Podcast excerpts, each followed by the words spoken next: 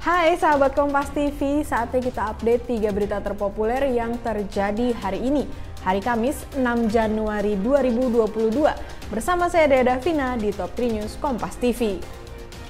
Berita yang pertama, sahabat Kompas TV, hari ini KPK resmi menyatakan Wali Kota Bekasi Rahmat Effendi sebagai tersangka kasus suap dan lelang jabatan.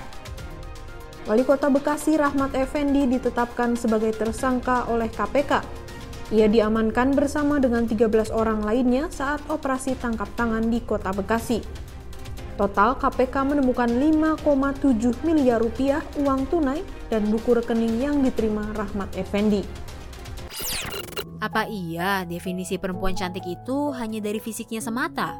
Yuk simak pengalaman para perempuan dalam pertama kali berhijab, penyitas perundungan, hingga pejuang jerawat hanya di podcast Semua Bisa Cantik.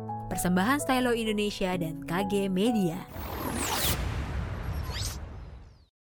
Selanjutnya sahabat Kompas TV, setelah menggelar reka ulang di Nagrek dan di Jembatan Menganti, Banyumas, Jawa Tengah, tiga oknum TNI AD yang terlibat kasus kecelakaan di Nagrek dan pembunuhan Handi Salsabila akan segera disidangkan. Hari ini berkas perkara pembunuhan terhadap Handi Saputra dan Salsabila diserahkan ke Auditor Militer Tinggi 2 untuk segera disidangkan. Kepala Auditor Militer Tinggi 2 Jakarta menargetkan berkas perkara kasus tiga oknum anggota TNI AD yang melakukan tabrak lari hingga pembunuhan berencana terhadap dua sejoli di Nagrek dapat rampung berkasnya pada minggu ini untuk segera disidangkan di Pengadilan Militer Tinggi 2 Jakarta.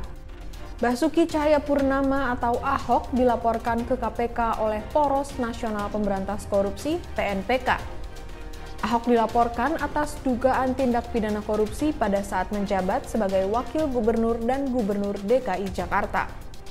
Dengan membawa sejumlah bukti, sekelompok orang yang tergabung dalam Poros Nasional Pemberantasan Korupsi atau PNPK melaporkan Basuki Cahayapurnama ke Komisi Pemberantasan Korupsi. Beberapa dokumen hasil penelitian terkait korupsi yang diklaim melibatkan Ahok pada saat menjabat sebagai Wagub dan Gubernur DKI Jakarta diserahkan ke KPK. Ahok dilaporkan atas dugaan tindak pidana korupsi beberapa kasus, salah satunya pembelian rumah sakit sumber waras.